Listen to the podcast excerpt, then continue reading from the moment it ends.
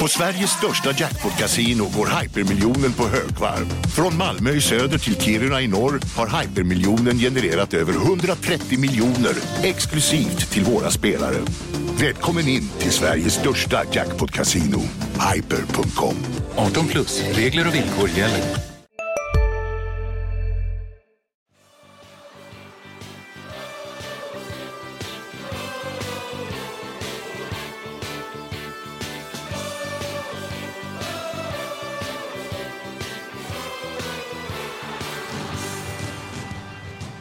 Ni hörde tonerna till eh, Boys in Black and White av Prebens Pågar. Det här är ett nytt avsnitt av eh, Landskrona Boys-podden. Eh, ja, Erik Persson sitter här vid min sida. Sebastian Rönnström. Vad förväntar du dig av den här dagen? Ja, det är en, en trevlig dag i, i februari som vi numera är inne i. eh, OS-tider. eh, Men, eh, men det spelas ju en del fotboll också på sina hörn här. I Eh, OS är nordvästra sekundärt i den här poddstudion, hävdar jag. Ja, i den här poddstudion så eh, har vi fullt fokus på Landskrona Boys och, och deras äventyr. Ja, eh, och vi ska prata om en del spelare som har testats på just eh, några äventyr. Vi ska eh, ehm, vinkla det här avsnittet och ta, ta ett grepp om Boys exporter eh, på senare år. Eh, och det är ju, det aktualiserades eh, ännu mer nu i dagarna när eh, Alec Brandt Erlandsson blev klar för Serie A-klubben Bologna och eh, det har ju varit eh, aktuellt även under vintern när eh, tre spelare har försvunnit till Allsvenskan. Men vi ska börja eh, med att prata lite kort om den senaste försäsongsmatchen. 3-0 blev det va? Mot IFK Malmö på ett blåsigt eh, Landskrona IP. Ja, det blev det. Eh, Det var väl kanske inte den bästa värdemätaren för Boys del. säga. Eh, IFK Malmö glänste inte. De, eh, de såg eh, inte... De har nog en bit, en bit kvar om de ska kunna eh, vara ett topplag i, i ettan. Man kom ju där på nedre halvan förra säsongen så eh, det är klart det ska vara en, en viss eh, nivåskillnad såklart. Eh, med boys som, eh, som har ambitioner att slåss i toppen av eh, superettan och, och den nivåskillnaden var ju, var ju påtaglig. Det, det var ett boys som, eh, som styrde och ställde i den matchen och IFK Malmö hade inte, hade inte mycket att sätta emot varken i, i försvarsspelet eller anfallsspelet. Eh, det blev 3-0 som sagt. Linus R. Olsson eh, gjorde två mål. Han har nu gjort tre mål det här året. Eh, och Osmani Diawara, nyförvärvet från Karlberg i Stockholm, gjorde sitt första mål i boys-tröjan efter en touch från en IFK Malmö Malmö-försvarare. Eh, såg vi några tecken, några signaler? Vi, vi, vi ska ju betona som vi alltid gör eh, så här års att det är väldigt, väldigt tidigt. Eh, man ska inte ta fram någon trumma och slå hårt på den ännu. Eh, men någon signal eh, som du fastnar vid? Jag tycker väl att eh, det är intressant att se Linus R. Olsson eh, nu när han får, eh, alltså han hade ju, det pratade vi om, om sist också i förra avsnittet, men förra säsongen blev ju, blev ju stökig för honom, men när han väl spelade så gjorde han ju det på en, med bravur och gjorde många, eh, många mål. Eh, att han kommer igång här redan nu på, på försäsongen och, och redan nätat tre gånger på de här två matcherna. Eh, det är ju det är ändå en, en tydlig signal om att han, han är het för tillfället och att eh, om han bara håller sig skadefri så har ju, har ju Boys eh, eh, mycket kvalitet i honom eh, framåt. Så eh, första målet han gör, eh, hörna från Nikola Ladan som han är framme och nickar in eh, vid, vid första stolpen. Eh, riktigt eh, snyggt mål. Eh, andra målet är ju var ju lite av lättare karaktär för eh, Linus Olsson när eh, Erik Persson sprintade sig fri i djupled och passade i sidled till honom som, så han kunde rulla in den i öppet mål. Men, eh, men att han är där och att han eh, levererar redan nu, det, det tror jag är, en viktig signal för, eh, för Boys och då även Erik Persson som också, att, att de två hittar ett, ett samarbete här tidigt. Det, det är ett positivt tecken. Och eh, mittbacksparet i första halvlek var Johan Rapp och Andreas Morbäck. Eh, och det känns ju väldigt intressant på pappret. Andreas Morbäck som vi pratade om tidigare i förra poddavsnittet. Eh, vilken ledare han är. Och nu bar han faktiskt lagkaptensbindeln runt armen också. Det, det, det, var, det hajar man till lite på. För de senaste åren har det ju eh, verkligen varit som så att antingen har Filip Andersson eller Viktor Wilstrand spelat. Så har det känts i alla fall. Oftast har det varit så. Eh, men nu så bildade Filip Andersson och, och Viktor Wilsand eh, mittlås i andra eh, halvlek och därför eh, så bar Murbeck eh, bindeln. Eh, ja, signalen att han är en ledare i laget visste vi ju tidigare så vi ska inte grotta ner oss i det idag igen. Eh, målvaktssidan. Eh, fortfarande lite 50-50 va? Ja, de eh, delade ju på, på ansvaret även nu och där, ehm, när jag pratade med, med Billy Magnusson i, inför den här matchen så sa han att ja, så skulle ju bli fallet nu men att man sen eh, längre in på försäsongen eh, kommer att köra mer att ehm, målvakter som ska stå hela matcher och där ska det ju bli intressant att se vilket eh, vägval Boys tar. Visst, det, det är säkert, säkert inte omöjligt att det, vi kan få se att de två, eh, en, en viss rullians mellan de två i Superettan även den här säsongen. Men, men eh, det ska bli intressant att se vilka tecken man kan se, eh, vem som står främst i ledet här. Ju längre försäsongen lider, för, eh, för det är ju en sån eh, Eh, bit som, eh, som det finns lite frågetecken för eh, just med tanke på att ingen av dem övertygade så extremt mycket förra säsongen. Så där, där är en sak jag är väldigt spänd på att se. Ett litet, litet tecken till skulle man kunna säga är att Emil Jönsson fortsatte spela som sittande mittfältare, sexa. Filip Ottosson fortsatte spela i en mer framskjuten roll som åtta. Ska vi lämna den matchen därhen? Ja, jag eh, tycker... Eh, vill nämna att eh, jag tycker Jesper Strid och Camilla Barra var, var pigga. Eh, kom fram mycket på, på högerkanten i första halvlek och... Eh, Jebara kom fram en hel del på vänsterkanten i andra ja. halvlek också. Det var ju den boysar som spelade mest i den här matchen. Precis, så eh, där... Eh, nej men det är lite... Ja men bra, bra, bra eh, tendenser eh, så sett. Även om man eh, vill akta sig för att dra för stora slutsatser eftersom, eftersom motståndet var, var av mindre, mindre högklassig kvalitet. Och ni vet att matchen sändes på det.se. Det gjorde ju också den allra första matchen helgen tidigare mot Helsingör och vi har ett par eh, boys eh, matcher kvar på menyn som ni kan se på vår sajt. Så eh, gör det. Men nu så kan vi väl inta någon form av helikopterperspektiv. Och titta på de exporterna som Landskrona Boys har gjort på senare år.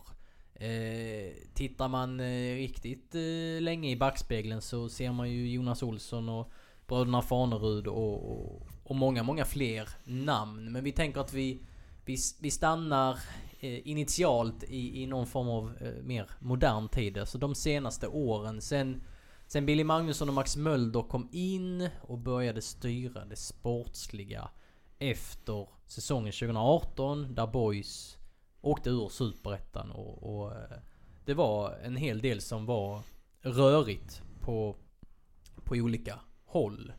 Ska vi bara dra dem först? Efter första säsongen 2019 blir det. Då lämnade Jakob Ondrejka eh, för Elfsborg. Året efter, alltså efter säsongen 2020. När Boys gick upp eh, i Superettan eh, där på hösten. Då lämnade Patrick Wadike för Sirius och Filip Mårtensson som hade varit inlånad från Trelleborg. Hans kontrakt Gick ut med Trelleborg och kontraktet med Boys gick också ut och han hamnade lite överraskande i Varberg. Eh, också i Allsvenskan. Och sen den här vintern har vi kunnat se att Kevin Jensen har flyttat till Kalmar. Filip Olsson har flyttat till Uppsala. Där Patrick Wadike redan bor och spelar för Sirius. Och Soma Almadjed, ja han har inte flyttat, han bor kvar i Helsingborg och spelar för rivalen HIF. Sex eh, exporter. Eh, sett över tre vintrar. Eh, en export först, eh, två sen och så nu tre. Eh, vad ser vi för, för, för mönster här?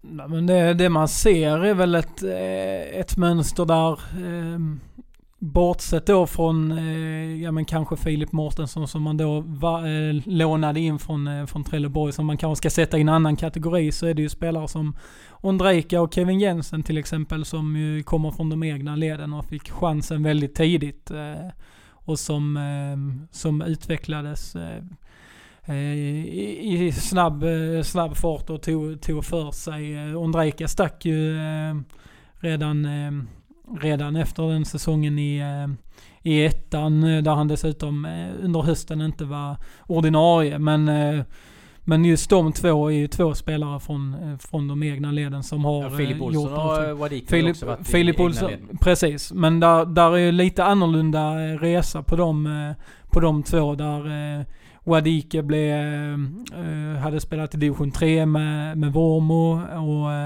han spelade eh, inte mycket där. Nej. Det var, det, var, det var till och med så att man höjde på ögonbrynen när Boys kontrakterade honom. För han hade knappt spelat på seniornivå och sen blev det braksuccé. Ja, så det är ju verkligen en, en speciell resa han har tagit och han eh, var utlånad eh, också ett tag. Så, så det till var... Prespa Birlik, till han hade på för boys. Så, där, så han, hans resa har ju sett lite annorlunda ut jämfört med Ondrejka och Kevin Jensen som då liksom successivt har tagit sig eh, från ungdomslagen upp i, i A-laget. Filip Olsson eh, eh, fick ju inte kontrakt eh, med Boys, hamnade i Eslöv i, i division 3 och sen så kom han tillbaka och eh, utvecklades eh, framförallt då 2020 när han hade en eh, succésäsong i ettan. Så. Och sen Sumar Almadje då som, eh, som också är, får väl sättas i en annan kategori eh, som då plockades eh, efter efter att ha, ha varit runt i Högaborg och hittat på Höganäs eh, i, på division 2 nivå som, eh, som då han plockades in. Eh, och sen, eh, sen han, eh, hans eh, flytt från Boys eh, är ju känslig i den bemärkelsen att han då eh, lämnar för HIF. Eh, och då, den, är, eh, den är mindre smickrande i Boys-kretsar. De är inte lika glada över den kanske. Nej, så är det ju såklart. Eh, att det finns, eh, finns lite taggar där. Men, men det är ytterligare ett exempel på ju en spelare som Boys har, har tagit in från en lägre nivå och som man har lyckats förädla till en väldigt högkvalitativ fotbollsspelare. Så Ja, det, de, de här eh, sex namnen, det, det är intressant att se liksom mönstret i att det, det är spelare som man i klubben som, som har tagit sina stora steg i Landskrona Boys och liksom eh, därifrån tagit steg vidare uppåt i, i karriären. För under den här perioden så har eh, Boys också eh, framkallat väldigt bra sportsliga resultat. De blev tvåa i ettan, föll i kvalet mot Öster. Tvåa i ettan, vann kvalet mot Dalkurd och så eh, tabellsexa i Superettan förra året och hade faktiskt en matematisk chans på alls, en allsvensk kvalplats in i det sista. Så de har ju förenat resultat och personlig utveckling. Och i den bästa av världar hade de fått ännu mer pengar. Nu har de väl bara fått övergångssummor för Filip Olsson och Jakob Ondrejka om jag inte är helt snett på det. Eh, det är ett utvecklingsområde som vi ska komma till lite senare också i, i avsnittet. Men den där balansgången. Vad, vad signalerar den? Att de har kunnat förena resultat och individuell utveckling? Ja men det, det, det säger ju att man har ett, eh, ett system och en eh, miljö som, som uppenbarligen är, är väldigt bra och som, som fungerar för många av de här spelarna på denna nivån. Eh, där är ju ännu fler exempel i, i dagens trupp som, som ännu inte har lämnat eller som, som kanske inte kommer att göra det. Jag tänker Viktor Wihlstrand, lite äldre spelare som ju har tagit jättekliv eh, och var ny på, på den nivån när, när han kom till Boys. Ja det kan vara personlig utveckling på väldigt många olika sätt. Precis. Det har vi sett prov på. Så, så där, där är ju väldigt många exempel även i, i, i dagens trupp.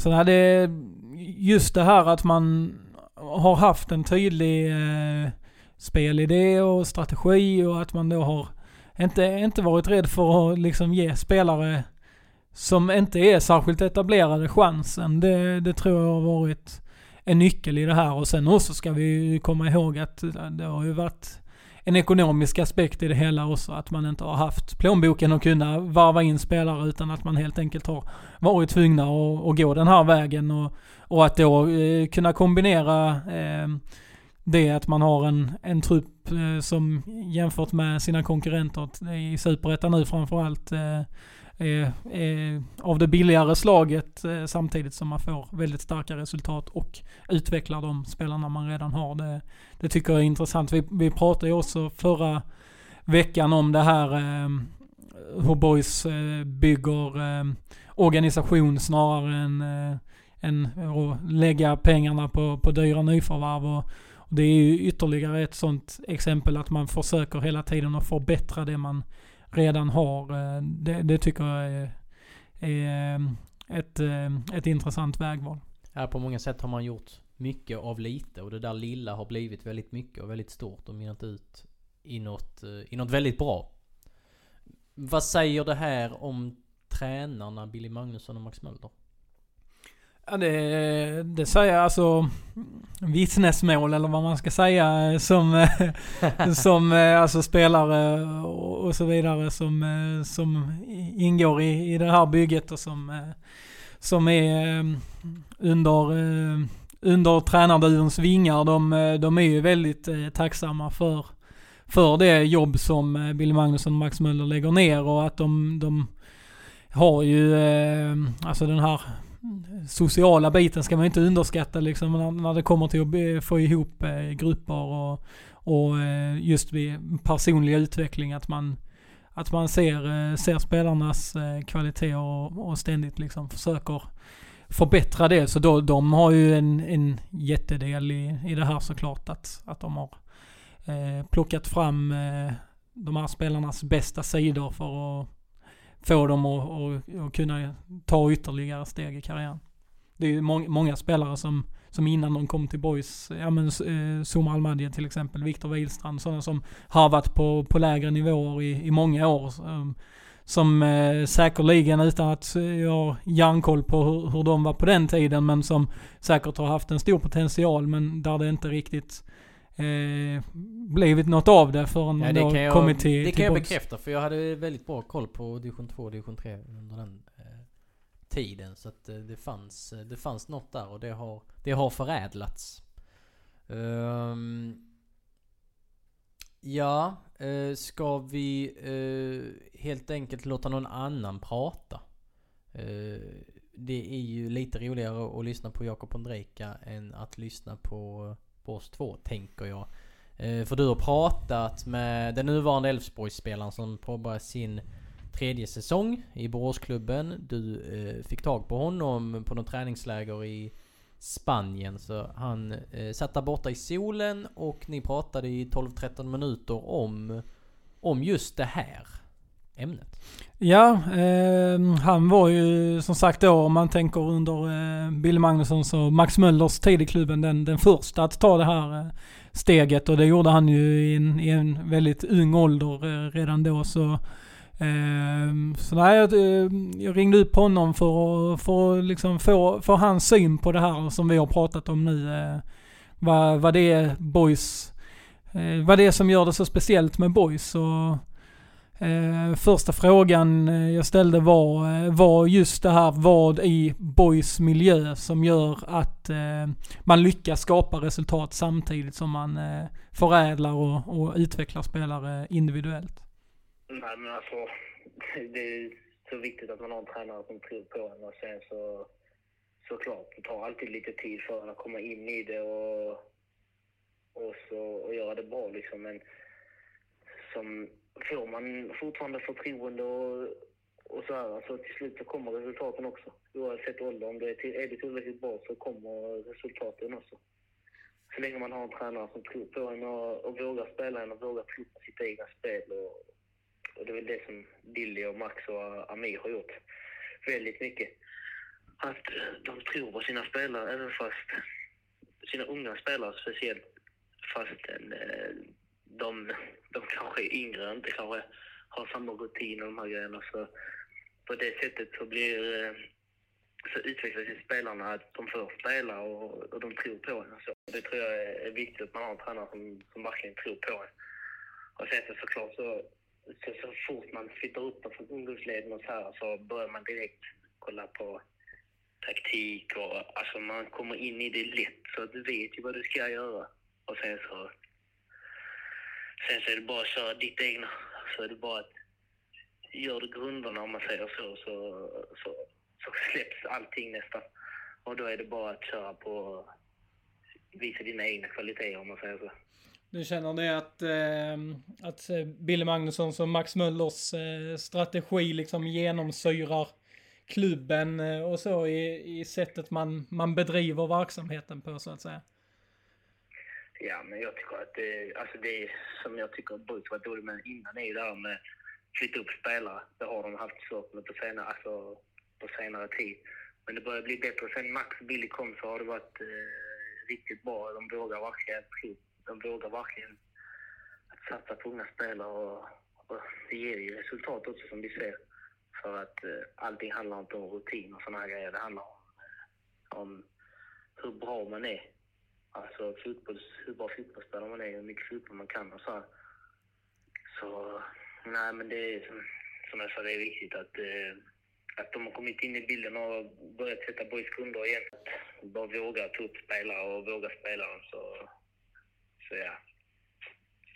Du eh, fick ju chansen väldigt tidigt i, i A-laget. Vad, vad betydde det för dig att, att få den eh, i så tidig ålder? Vad gjorde det för, eh, för din utveckling? Nej, alltså, jag har ju alltid varit boysare. Det kommer jag alltid vara. Och, alltså, jag har varit kollat in varenda match på boys A-lag som spelat innan jag fått upp A-laget. Även nu ska jag kolla på, jag tror inte jag missar många matcher. Boys spelar även försäsongsmatcherna nu. Så jag har väl koll på dem hela tiden och nu min lillebror där uppe också. Men eh, nej, jag, det var extremt kul när jag började träna där. Jag började, gjorde väl först en vad heter det, internmatch och sen så, så kom jag upp och så spelade jag. Och så gjorde jag det väl ett bra ett halvår där. Sen så, sen så blev jag väl petad för jag var inte tillräckligt bra eller, eller Billy eller någonting något annat. Men eh, det, vi gjorde det bra den säsongen och sen så kvalade vi upp, men tyvärr så tog vi inte upp det Gick upp. Där i kvalet mot, eh, mot Öster eh, på hösten där ja. Vad, vad var det i, i Boys miljö som, som gjorde då att, att du utvecklades och kunde visa dina färdigheter och sen så småningom också ta steget vidare till Elfsborg skulle du säga? Nej men alltså seniorfotboll är alltid viktigt. Det måste du ha innan du går vidare. Så jag har lärt mig, det jag, jag lärde mig tempot, jag lärde mig det jag har lärt mig mest och tagit med mig som mest är mitt felvända spel. Att jag är stark i den, den biten. Och speciellt som liten, att skydda boll och kunna utmana sin gubbe. Det är något som man måste kunna göra om man är liten och inte har de rutin, eller eh, den rutinen som andra har. Liksom, eh, kanske spela på ett tillslag istället och sådana grejer. Så jag har tagit med mig det som mest att... Eh, uh, vad är det mitt försvar? Mitt glömde jag mitt försvarsspel. Och mitt felvända spel och skydda boll och så här. Det, det är det jag har tagit med mig som mest från boys. Och sen är det bara att jag har utvecklat andra grejer när jag kommit hit och, och den biten. Så, ja. Du som då följer Boys eh, och har, har järnkoll på laget. Vad, vad tror du det är för någonting som är attraktivt just för andra klubbar när de tittar på spelare för, eh, som spelar i Boys när de ska varva spelare? Vad, vad tror du det är som, som lockar just med att och titta och blicka mot, eh, mot Boys? Ja, men, för det första så spelar jag, eller har ju Boys spelat nu ett tag eh, fin fotboll ända sedan jag var där, tycker jag att vi har. De har spelat eh, bra fotboll, de vågar spela och det är inte mycket långboll om man säger så här. När det kommer ett nytt lag upp till Superettan så kan det lätt bli att man är rädd och man börjar bara skicka iväg den så fort man kan. Men så har det aldrig varit med Billy och Max. Liksom. Det har alltid varit att spela från målvakt och uppåt. Och det är väl först och främst där jag tror de kollar på att boys på första så tar Boys poäng och de har gjort det bra och så här. Och sen så, så kollar de ju först på det. Så ser de att det är unga spelare som spelar och då, då är det ju mer intressant att kolla på, på Boys då. Att, ja, att de kan plocka in dem som unga talanger innan de blommar, eller slår igenom helt och hållet. Och, ja, det är väl det jag kan säga. Jag tror. Men gör ja, det bra i ett min, lite mindre lag liksom, i typ som i Landskrona Boys som, som det är några stycken nu som har gjort, så känns det som att det är lättare att bli någonting än om man spelar i en lite större klubb och kommer underifrån. Då är det, då är det svårare att komma och ta den här chansen och, och spela liksom. Det är lättare att få, eh, få chansen och, och kunna ta den på, på en förhållandevis hög nivå i en klubb som Boys än att eh, komma, komma från en större klubb och, och ta steget upp, i, upp och, och slåss eh, på en högre nivå i ett A-lag där, eller? Exakt, och sen så är det ofta att de här lite större klubbarna de här har, har oftast mer pengar och, och kan köpa in lite mer spelare och göra lite som de vill på det sättet. Så det, det var väl det, det är väl en grej jag tycker är bra med att spela i och det var det bästa alternativet som jag gjorde, att jag stannade kvar i Boys. Jag var ungdomsspelare. Att, eh, ja, jag hade ju chansen att gå vidare, men jag såg aldrig riktigt möjligheten att gå till de klubbarna där jag kunde komma upp i A-laget så tidigt som möjligt. Liksom. Och det var eh, det största, största sättet att komma upp i ett A-lag och få spela där. Och det är väl det bästa jag har gjort. Och jag ser väl än idag att folk som jag tycker gör fel med att ja, gå, gå till andra klubbar, lite större klubbar i ungdomsåren bara för att äh, det låter bättre i ungdomsåren. Men vad gör det om fem år? Det fem år kanske du spelar i en division 2-klubb istället för att spela i Superettans A-lag. Och visa dig där. Så jag, jag har ju haft chans när jag var yngre att gå utomlands också och det kan jag väl se, se på att det är inget som har varit optimalt för min del för att det är så många som, som tyvärr misslyckas via den, den gång, gången, typ, om man säger så. Och det var väl där jag tänkte också, nej, jag stannar boys, gör det bra här, för att komma upp i A-laget, spela här och sen så, sen så får jag ta, ta den biten senare i A-lagsfotboll istället. Du eh, har, ju, eh, har ju starka band till klubben och, och tränar också extra på IP när, när du har möjligheten att ha varit med och, och, och kört lite grann där. Vad, vad ger det dig att de här möjligheterna att kunna komma tillbaka och vara med och köra med laget under ledigheten och så? Nej, men det är alltid kul att komma tillbaka. Jag, jag har starkt band med både Billy, Max, Amir och, och Tobias som är i klubben. Och, Michel har jag väl träffat några gånger också, så nej, men jag har jättebra kontakt med boys och jag tränar fotboll alla dagar i veckan om det går. Så jag, jag är bara glad att få, få träna extra fotboll och det är det jag, det är det jag lever för, liksom, att spela fotboll. Det, det är kul att eh, Billy och Max och Amir och de här ställer upp för oss också som kommer hem och vill träna. Amir, eh, som du nämner, eh, Amir Jakilic eh, har ju, har ju en form av roll där han är en liten brygga så mellan, mellan A-truppen och ungdomsspelarna. Vad har han betytt för, för din utveckling? Jag hade kunnat eh, skriva böcker om honom, kan jag säga, så mycket han har betytt inom min fotbollsdel. Jag har aldrig haft, eller jag ska inte säga aldrig, men eh, det är väl den tränaren jag har haft som, i ungdomsåren som har trött på mig till 110 procent och har i princip gjort allt för mig. Alltså allt från videoklipp till att eh, till julafton gå ut och skjuta och köra extra träning och till att komma hem till mig och kolla video. Alltså allting. Det, det, jag kan inte, det är svårt att beskriva hur mycket han har gjort för mig under min, min tid i Boys och fortfarande jag har i kontakt. Så det, det, det är helt skit. Jag kan inte beskriva hur mycket han har betytt för mig. Tror det är viktigt för, för klubben att ha en sån person, eh, alltså just den rollen i, i ledarstaben att eh, ha den bryggan mellan A-truppen och de yngre spelarna för att fler ska kunna komma fram och få chansen att känna sig bekväma i miljön. Ja, exakt. Alltså, jag tror inte Boys hade kunnat hitta någon bättre person än just Amir i, i den biten. Och sen så har han ju, han kan ju enligt mig ta över nästan vilken, eller vilken klubb i Sverige han, han hade velat och, och gjort det hur bra som helst som tränare också. Så det, det är en, både en världsmänniska och en världstränare säger jag. Det, han, han kan så mycket, mer, så mycket fotboll för sin, sin ålder. Han är ju 30 år gammal och alltså, det känns som han, han har varit med i 60-70 år och kan fotboll på, på ett sätt som inte många andra kan kanske. Vad är det, vad är det som, som är så speciellt med, med honom som, som tränare?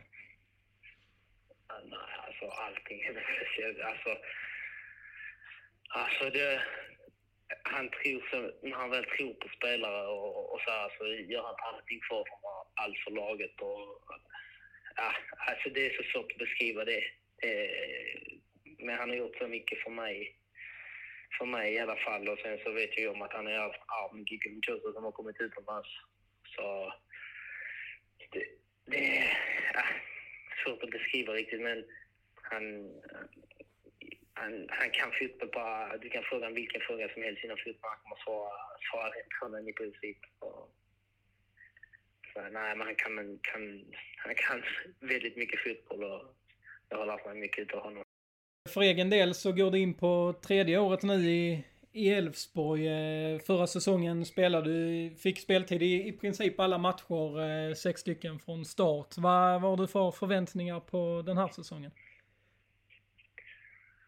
Nej, man ska aldrig ha för stora förväntningar på, på sig själv om man säger så. Det, om du har för stora förväntningar på sig själv, eller på mig själv, så då blir det bara pannkaka av, av det hela.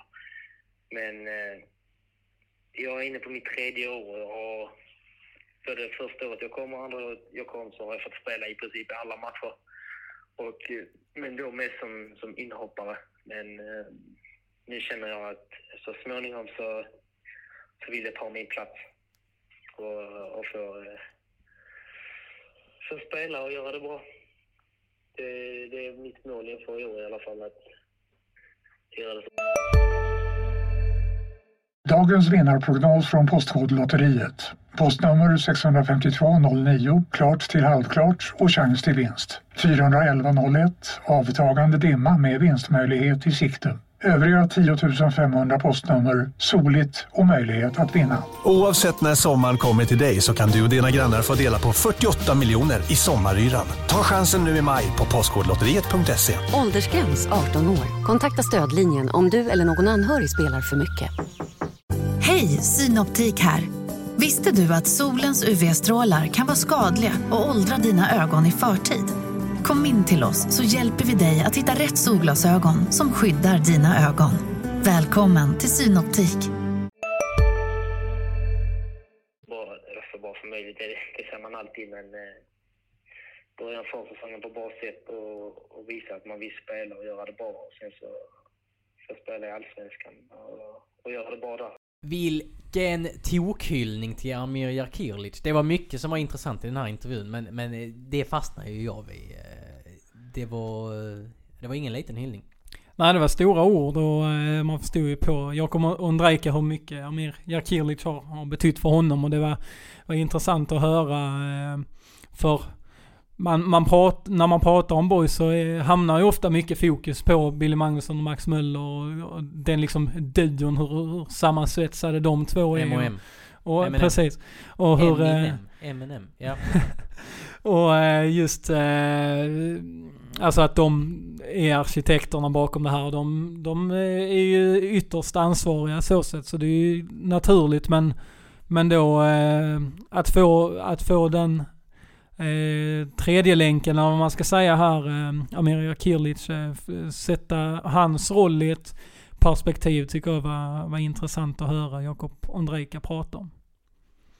Om vi vrider tillbaka klockan eh, lite eh, till 2016 när Boys hade en eh, på många sätt eh, men, minnesvärd säsong.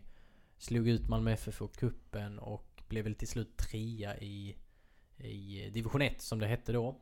Ehm, Shit vad gammal jag lät när jag sa så. Som det hette då. Men det hette Det, det, division 1 ska, då. det borde heta division 1 nu också. Ja jag vet, jag tycker det är lite klurigt att det heter ettan. Men det heter ju faktiskt ettan så att eh, vi får ju följa eh, protokollet. Men då var det ju några eh, unga spelare som sedermera nådde högre nivå. Rasmus Alm, Jonathan Levi, Erik Persson som nu är tillbaka. Eh, men då, då kändes det ju som att klubben, eller kändes, klubben eh, tänkte ju på ett lite annorlunda sätt ändå. Då kunde man ta in Rade Pritcha. Eh, jätterutinerad och liksom på ålderns höst. Eh, man kunde också ta in eh, Hanson Boakai från Kanada. En stor talang därifrån och sen har det inte hänt så mycket mer. Eh, det gör man ju inte längre. Det är mycket möjligt att det blir så om, om något år eller två när, när det finns mer pengar på kontot. Men, men det är ju inte Max Mölders och Billy Magnussons och övrigas melodi. Och det gör väl eh, ännu mer för den här utvecklingen som vi pratar om. Eller?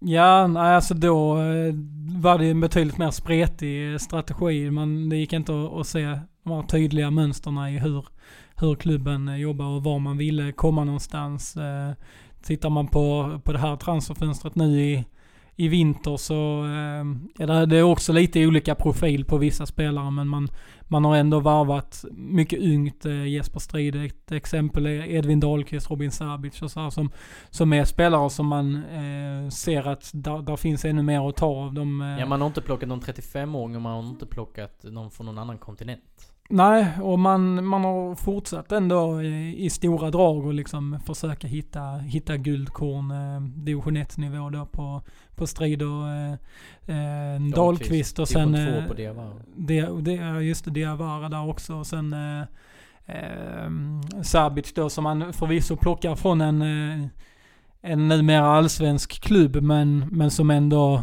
inte är etablerad på, eh, på det Han sättet. fyra matcher i Så Superettan där, förra året. där, där finns ju liksom Utvecklingspotential. Ja, och mer, mer, och, mer att ta av eh, för, förhoppningsvis då för, för Boys del att, att han kan ta ytterligare kliv i, i Boys. Så det, det är klart att det, strategierna skiljer sig väldigt mycket åt och att eh, det också är, är knutet såklart till, eh, till ekonomi och, och allt det här.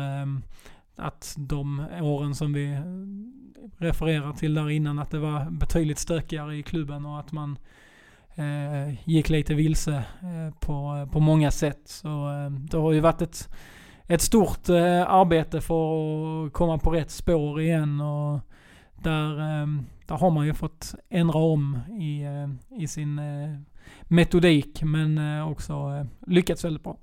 Och 2018 är ju annat exempel som jag ofta återkommer till när man pratar om Boys resa. Men då, då kunde man eh, panikvarva Emanuel Okine och Akram Mansour, Joe Ceesay och så vidare. Och då var det eh, än mer eh, spretigt.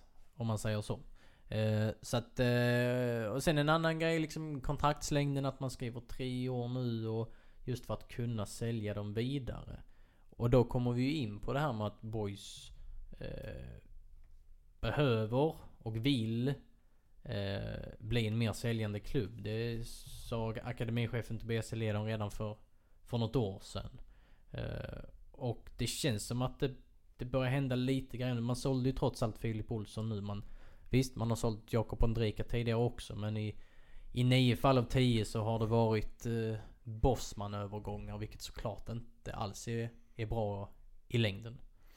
Nej, och eh, det är ju också nödvändigt för att Boys ska kunna hänga med. Men det, visst, det, alltså man, man lyckas väldigt bra med de här eh, eh varvningarna från lägre nivå och så och, och förädla. Men man, man kommer inte alltid att, att träffa rätt. Det, det finns ju en större, eh, vad ska man säga, sportslig risk med att plocka spelare från den nivån. Eh, den är ju inte så, så stor ekonomisk men, men det, tar man fem spelare från division 1 så ska man kanske vara nöjd om eh, två, tre stycken blommar ut och blir riktigt bra på superettan eller till och med ännu högre nivå. Så, så det är ju klart att man för att kunna ta ytterligare kliv som klubb och eh, kanske det som man, man vill på sikt eh, etablera sig i allsvenskan och så här så, så kommer det ju att krävas en annan ekonomi och att man har andra eh, förutsättningar att spela efter. Um, och då, då är ju den eh, inte enklaste vägen, för det är ju inte, det är ju inte så enkelt i, i sig, men den som, vägen som oftast går snabbast är ju om man kan liksom få, få bra betalt för, eh, för de unga spelarna man har. Eh, det tar, tar betydligt längre tid att, att bygga upp en, eh, en klubb som i sin egen drift ökar sina intäkter varje år. Så, så där kommer ju, det, det är ju nyckel för att Borg ska kunna ta nästa kliv. Att man helt enkelt får in pengar eh, genom spelarförsäljningar. Och det, det var ju en maktkamp i Boys för, för några år sedan. Eh, eh, det minns ju väl alla som lyssnar på den här podden med ja, styrelsemöteskaos och... Eller årsmöteskaos rättare sagt och så vidare. Och då var ju...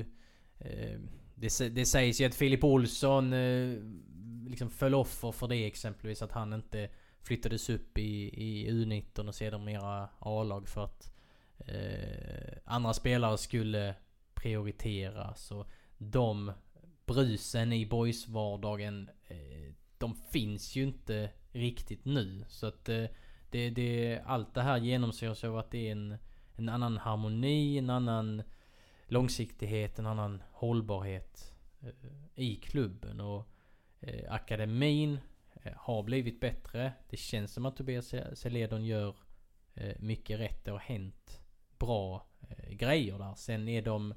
Det känns som att de ligger väldigt liksom back för att det, ett tag var det, var det väldigt, väldigt dåligt. Men nu har man, eh, liksom senaste året har man har man flyttat upp eh, Alen Smajic, Kamil Jebara, William Ondrejka, Alec Brandt Erlandsson som vi kommer återkomma till. Hampus Pauli har blivit uppflyttad eh, i samma veva som Melker Heier blev, bli uppflyttad. Så att det är ett gäng som har kommit upp från akademin. Sen har inte alla slagit igenom och så men det är ju... Uh, ja men sundhetstecken eh, som vi ser på, på många håll och kanter väl? Ja, och det pratar ju även eh, Jakob Ondrejko om, det här vikten att man eh, ger unga spelare chansen. Eh, och att det är någonting som han själv kände för var, var en liten brist i, i boys. och så det är ju ett, också ett, ett steg i rätt eh, riktning att man kommer dit. Och så, som du säger så, de här eh, tuffa åren har gjort att boys hamnat lite efter eh, på, på eh, på många eh, sätt. Eh, man har nu eh, U19-laget gått upp i superettan. Där är ju kanske andra konkurrenter som är ännu högre upp med sina ungdomslag och får betydligt bättre matchning. Eh, med dem. Det ska ju vara på den högsta nivån om vi kollar U19 och så vidare egentligen. Men ja, det är en liten sträcka som de ska transportera sig längs för oss. Ja, det är ju så. Där, där är det ju då extra viktigt att man lyckas, eh, ja men för, för att bli attraktiv som, som klubb för unga spelare är det viktigt att man då eh, att spelarna ser att det finns möjligheter att kunna komma upp i A-laget och slåss om en plats. Om man, om man nu har gjort sig förtjänt av det. För, för eh, annars är det kanske lätt att välja en annan klubb med ett, eh, ett eh, U19-lag till exempel högre upp i, i systemen. Eh. För att det, att det kan vara mer lockande att få, att få spela på en högre eh, nivå. Eh, bland det första som gjordes i Boys eh, vintern där 18-19. Det var faktiskt att kontraktera Malek Schreim eh, som då eh, hade ja, men ungdomslandslagsmeriter. Det pratades om att bland annat Malmö FF hade koll på honom och så vidare. Eh, han har inte eh, nått A-laget och eh, om jag har förstått rätt så har kontraktet gått ut och så vidare. Men så att, så att det är inte så att alla eh, men alla exempel är jättelysande här. Men, men eh, helhetsmässigt så, så är det ett mönster som, som ser lovande ut. Eh, och sen lite nya tillvägagångssätt. Eh, Boys har ju haft en hel drös ungdomsspelare, juniorer som har fått testa på klimatet utomlands eh, i Italien. Eh, där eh, eh, det var fyra spelare som testade med Arezo för något år sedan. Kanske ett och ett halvt. Eller är jag helt ute och cyklar? Ja det var ju väl i den, eh, i den eh, vevan där. Det var ju som sagt fyra spelare som, som åkte ner där och, eh, och fick chansen att, att testa på den miljön. Det är ju en klubb i, eh, där vars A-lag spelar i Serie C. Eh, så det är ju inte, det är inte liksom Bologna-nivå så men men det, jag gjorde en intervju med just Tobias Eleden där han pratade om det här att det är bra både för spelarna själva och även för boys som alltid varje gång man skickar ner spelare på, eh, på prov eh, också skickar med en, en tränare från eh, akademin. Att man då kan ha ett utbyte och liksom se och lära och, och se var, var boys står i, i förhållande till de här italienska klubbarna. Det är ju ett, ett rätt så intressant grepp som inte är, är allt för, för vanligt att, man, att man gör på det viset. Så ja, det, det, det har ju också mynnat ut i, i några övergångar här nu eh, också. Ja, vi ska komma in på det. Vi kan bara redogöra att det var Wilmer Nilgård Johansson, Kamil Jebara och just Malik Schreim som jag nämnde och så eh, Jess Johansen med det underbara namnet som testade med Arezo då. Kamil Jebara, om jag har förstått rätt så var Arezo eh, ja, men väldigt intresserad av framförallt Kamil Jebara. Eh, men han har då kommit upp till A-laget här nu och är en potentiell genombrottsman i, i Boys A-trupp i år. Och Jess Johansen eh, var med nu i truppen mot IFK Malmö senast. Ehm, och eh, sen tycker jag också det är befriande att, att exempelvis Tobias Selenov kan säga att ja, men vi, vi hoppas på en övergång. Eh, och nu har det ju dessutom blivit en, en, eh, en affär med Bologna vad gäller Alec Brandt Erlandsson. Och att man, att man kan vara öppen och transparent. Nej men vi, vi siktar på det och att man... Ja, jag, men jag, tror, jag tror det kan vara, kan vara sunt att de, de inser sin plats i näringskedjan och de, de försöker göra liksom, vad de kan för att komma upp på nya nivåer hela tiden. Han pratar just också om det, eh, att det kan vara varumärkesstärkande för boys att, eh, att visa eh, Eh, för unga spelare att det finns, finns vägar ut i Europa även från, eh, från Landskrona och att man inte måste ta steget via MFF eller HIF eller någon av Stockholmsklubbarna utan att det går att, att ta sig ut i Europa eh, genom boys också. Och det, det är ju ytterligare ett sånt eh, steg. Om vi, om vi pratar liksom de här exporterna till allsvenskan innan så är det här en, en lite annan strategi där det är väldigt unga spelare som eh, det, det blir ju allt, allt vanligare och har varit så, eh, har ju trenden varit över tid att många, många spelare blir utlandsproffs i, i de större länderna men, men just att, eh, att boys har har hittat olika klubbar här nu. Eh, Arezzo som du nämnde, Bologna, hela Verona som, som är klubbar man har, har kontakter med. Eh, och att det då eh, på så vis kan, eh, kan stärka boys och kanske, kanske locka till yngre spelare som, som ser att ja, här finns en, en eh, intressant väg vidare redan som ung spelare. Sen är det ju såklart alltså, boys måste ju också någonstans de unga, man vill ju säkert inte helst bara skicka iväg alla sina bästa talanger Såklart till, inte. till Italien utan att man också ska kunna få användning för dem i sitt eget A-lag och att, eh, Ja, det får de, att, att de ska hjälpa till eh, eh, och lyfta klubben ännu mer i, här i Sverige. Det, det är också väldigt viktigt att man hittar en, eh, som du säger, balansgången. Så att, eh, så att det inte blir att man bara blir en, en talangfabrik som ska spotta ur sig spelare utan att man också eh, ja, tänker, tänker på, på sitt eget eh, bästa också. Ja, för parallellt med detta så vill ju eh, Boys ha sitt representationslag i Allsvenskan. Och då blir det ju nya förutsättningar. Eh, då vill de ju... Eh, hade de gått upp till Allsvenskan inför den här säsongen så, så hade det ju varit en helt annan grej om Kevin Jensen, Filip Olsson och Somal Almadjed hade lämnat för någon allsvensk konkurrent. Så att, det, är ju, det är ju där de är nu men de vill ju förflytta gränserna även, även kring, eh, kring A-laget. Eh, I, ett, eh, I en poddintervju med Tobias Eledon i höstas så avslöjade han ju att eh, Andy Seinulahu var klar för Hellas Verona. Andy Seinulahu som inte hade kontrakt, inget avtal eh, med Boys. Eh, testade lite u laget och så. Eh, fick en del speltid där. Eh, han hade eh, provtränat med Hellas Verona tillsammans med Alec Brandt Erlandsson. Men nu är Alec Brandt Erlandsson klar för Bologna. Han har ju varit med i A-lagssfären. Debuterar mot Motala. Ett minnesvärt inhopp tycker jag. Eh, de fem minuterna var riktigt fina. Eh, 2020. Eh, spelade ingenting i, i, i A-laget förra året i Superettan. Eh, och nu så utlånad till Bologna i ett halvår. Det finns en köpoption. Torino fanns med i bilden där också. Du har gjort en, eh, en intervju med Alec Brandt Erlandsson. Vad, vad, vad ser vi här då? Eh, två spelare från akademin till Serie A-klubbars Primavera-lag.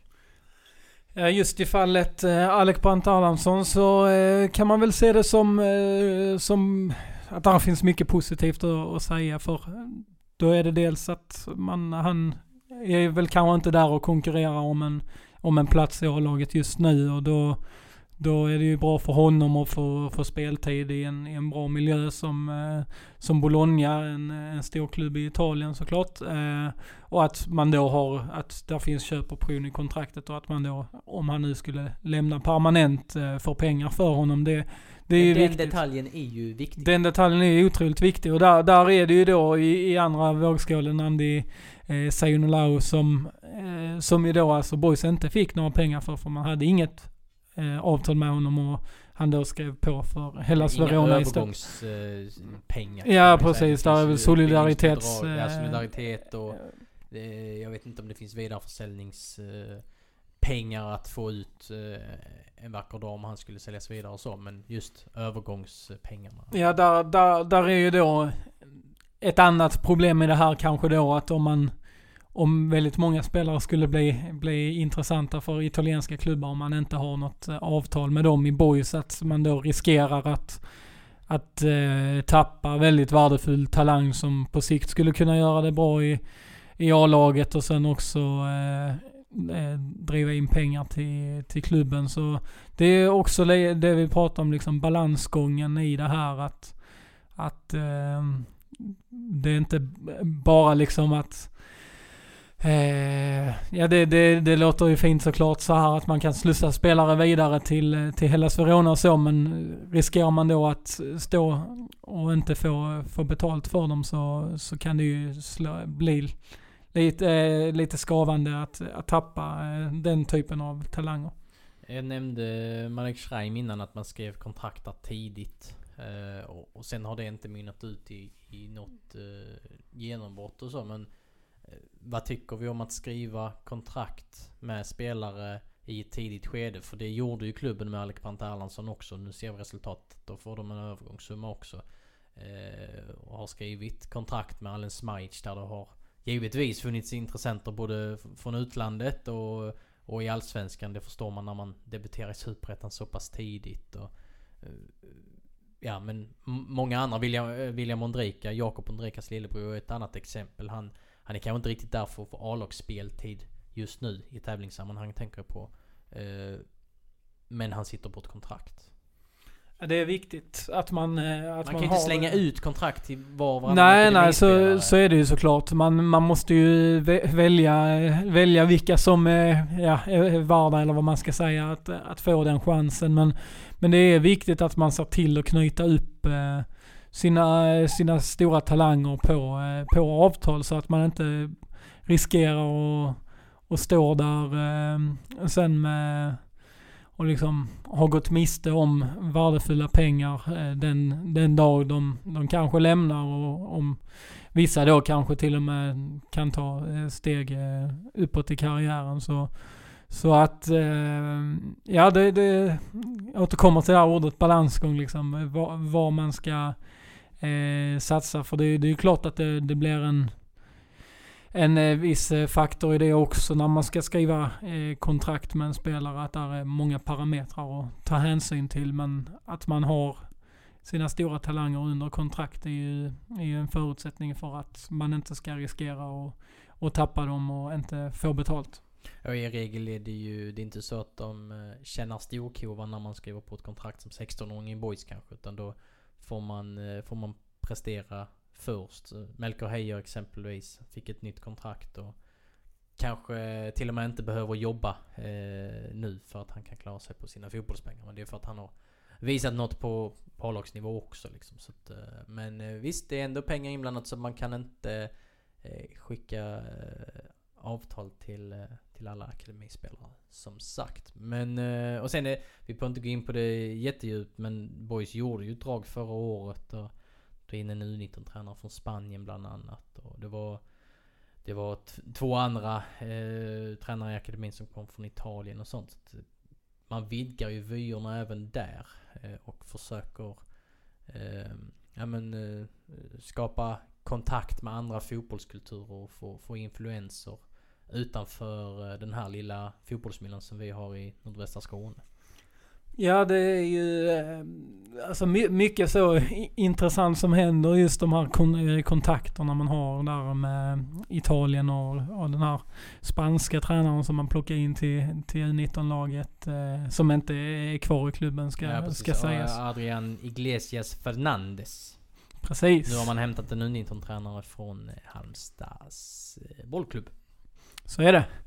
Nej men eh, mycket, mycket spännande som händer. Eh, just alltså man tänker då det här att Boys måste bli en mer säljande klubb och att det är en nyckel för att man ska kunna ta nästa steg. Det involverar ju även då de här yngre spelarna och att man då tar, eh, inte bara bygger ut organisationen kring A-laget utan att man också investerar i sin egen akademi för att på så vis kunna få upp fler spelare som kan bli försäljningsbara. För, för så ser det ut i, i svensk fotboll. Det, det kvittar om man heter Landskrona Boys eller eh, eller Ängelholms FF eller Malmö FF. Att man är på en viss plats i näringskedjan och då, då är ju spelarförsäljningar ett eh, ett otroligt eh, viktigt, eh, en otroligt viktig faktor i, i det här att, eh, att kunna bygga sig starkare över tid. Så ehm, nej, de, gör, de gör mycket rätt och ehm, det finns fortfarande väldigt många stora steg kvar att ta men men det, man, har, man har som, om vi jämför då med de åren vi, vi snackade om innan, 2016, 2018, så, så har det ju hänt intressanta grejer i klubben som, som tyder på att man går i en annan riktning. Det finns två 16-åringar i A-truppen och där känns det som att man såklart individanpassar och så vidare och det är en konkurrensfråga och så. Men man, man kan ge ett avtal till William Ondrejka även om han om man kanske inser att här och nu så kommer han inte riktigt kämpa om en startplats medan den andra 16-åringen Alen Smajic han har redan debuterat i Superettan och eh, är, är en av i nuläget ganska få mittfältare så han lär räkna med en del eh, speltid i år. Eh, och då kan vi också komma in på, på den sista punkten som vi har här. Försäljningspotential bland spelarna i nuvarande trupp.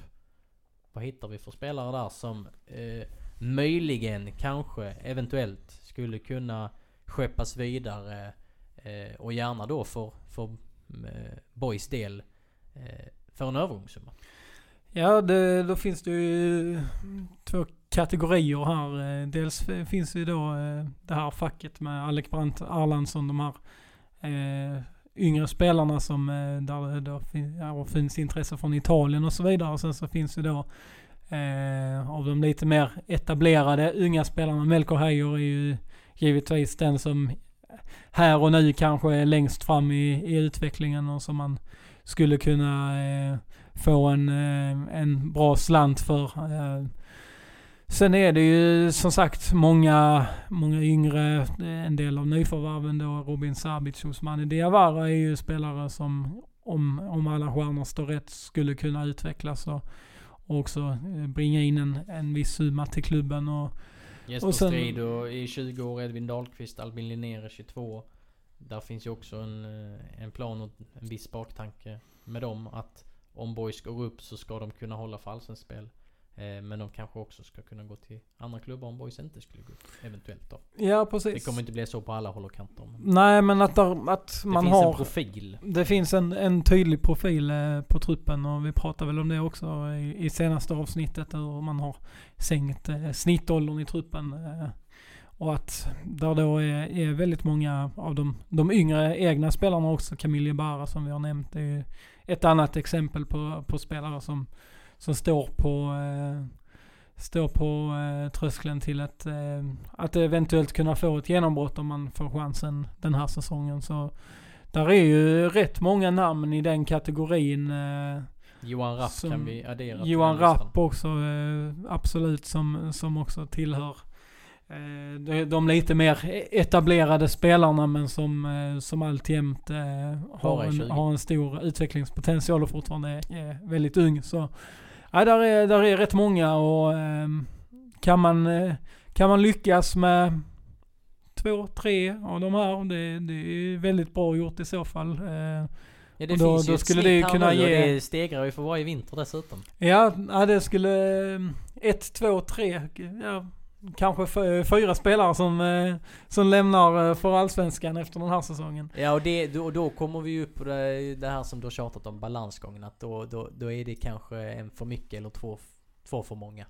Ehm, så att, eh, ja det gäller att det får inte bli en hel startelva som försvinner såklart. Nej, man måste, man måste ju alltid väga allt det här mot, eh, mot de sportsliga ambitionerna för, för A-laget också. Hur, hur mycket för eh, de, de stora pengarna och liksom det, det stora eh, och det, det allra viktigaste är ju om, boys ska liksom ta nästa kliv. Då är det ju såklart att man ska spela i allsvenskan på sikt och, och då kommer det ju att, att krävas då kan man ju inte bara vara, då riskerar man kanske att bli som eh, Brommapojkarna som är ett sånt lag som har väldigt stark eh, ungdomsverksamhet och slussar vidare väldigt många talanger men, man åker lite jojo upp och, upp och ner ur, ur eh, de olika eh, elitserierna. Så det, det gäller att ha en balansgång där att man också eh, eh, ser till allt möjligt. Akademi, eh, individuell utveckling, ekono, eh,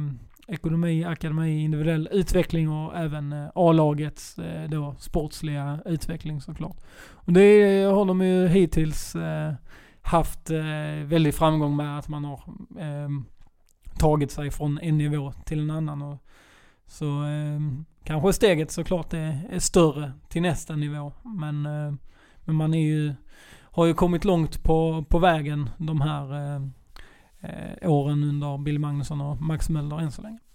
Och i Melker Heijers fall och Johan Rapps fall så har man ju också förlängt kontrakt för att man har tidigt insett att detta är spelare som kanske kan intressera klubbar på högre nivå. Och då så är man tidigt framme med, med ett nytt avtalsförslag. Så det är också en, en eh, metodik och en, ett eh, tillvägagångssätt som, eh, som kan bli fördelaktigt i längden. Ska vi stänga den här diskussionen och stänga det här avsnittet och återkomma en annan vecka? Ja, det, det låter bra tycker jag. Flagga för att det är en match på lördag mot danska B93. Som... Eh, det ska bli spännande att se vad, eh, vad boys eh, gör. Man mötte väl B93 var det två, två gånger förra säsongen. Eller var det bara på, Det eh, var på sommaren? På sommaren men hade det man... kanske var innan också. Det känns som att de har mött varandra några, Ja, de har ju gjort det. gånger. Men eh, alltså det ett, eh, ett lag som, eh, som Boys är, är väl bekant med. Så eh, får se om, eh, om det blir en bättre värde, värdemätare än eh, IFK Malmö. Helsingör som man mötte i, i första träningsmatchen var ju en, en eh, bra värdemätare och blev en, en tuff match. Tuff men välspelad första match. Så nej, vi, vi håller håller järnkoll på laget och följer dem allt eftersom här under försäsongen. Jag tror att eh, B93s eh, tränare alltjämt är Thomas Nörgård som eh, eh hade Max Möller eh, i, eh, AB Köpenhamn och eh, Max Möller som tränarkollega i eh, Lyngby också. Och eh, de har lite liknande eh, filosofi tror jag. Så att eh, ett B93 som nog också vill spela ganska underhållande och eh, publikinfriande fotboll. Kan bli en, eh, en rolig match att titta på med andra ord. Mm. Underbart, vi får ta oss till Danmark. Det får vi göra. Ja. Då säger vi tack och hej för den här veckan så eh, hörs vi snart igen. Sköt om er.